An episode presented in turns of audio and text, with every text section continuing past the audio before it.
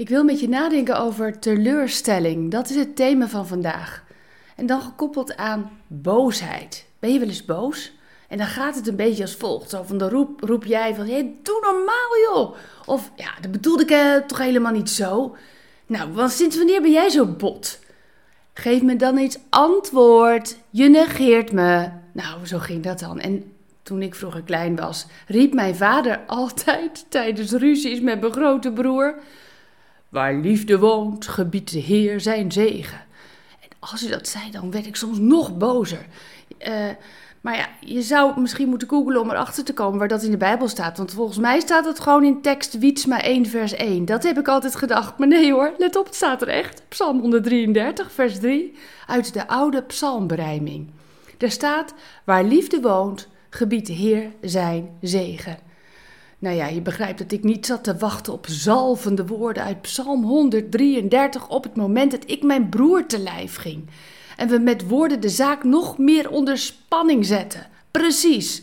Op zo'n moment wil je gewoon gelijk krijgen. Je voelt je gekwetst en je wil vooral de schuld bij de ander leggen als iets je niet bevalt, toch? Ken je dat?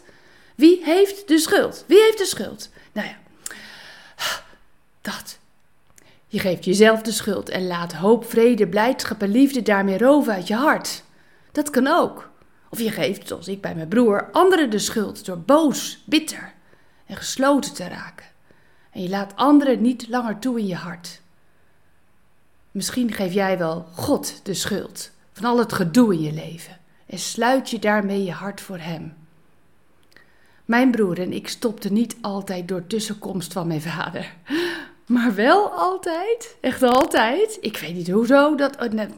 Vraag het me niet waarom, maar altijd stopten wij op het moment dat één van ons zei: Genade, genade.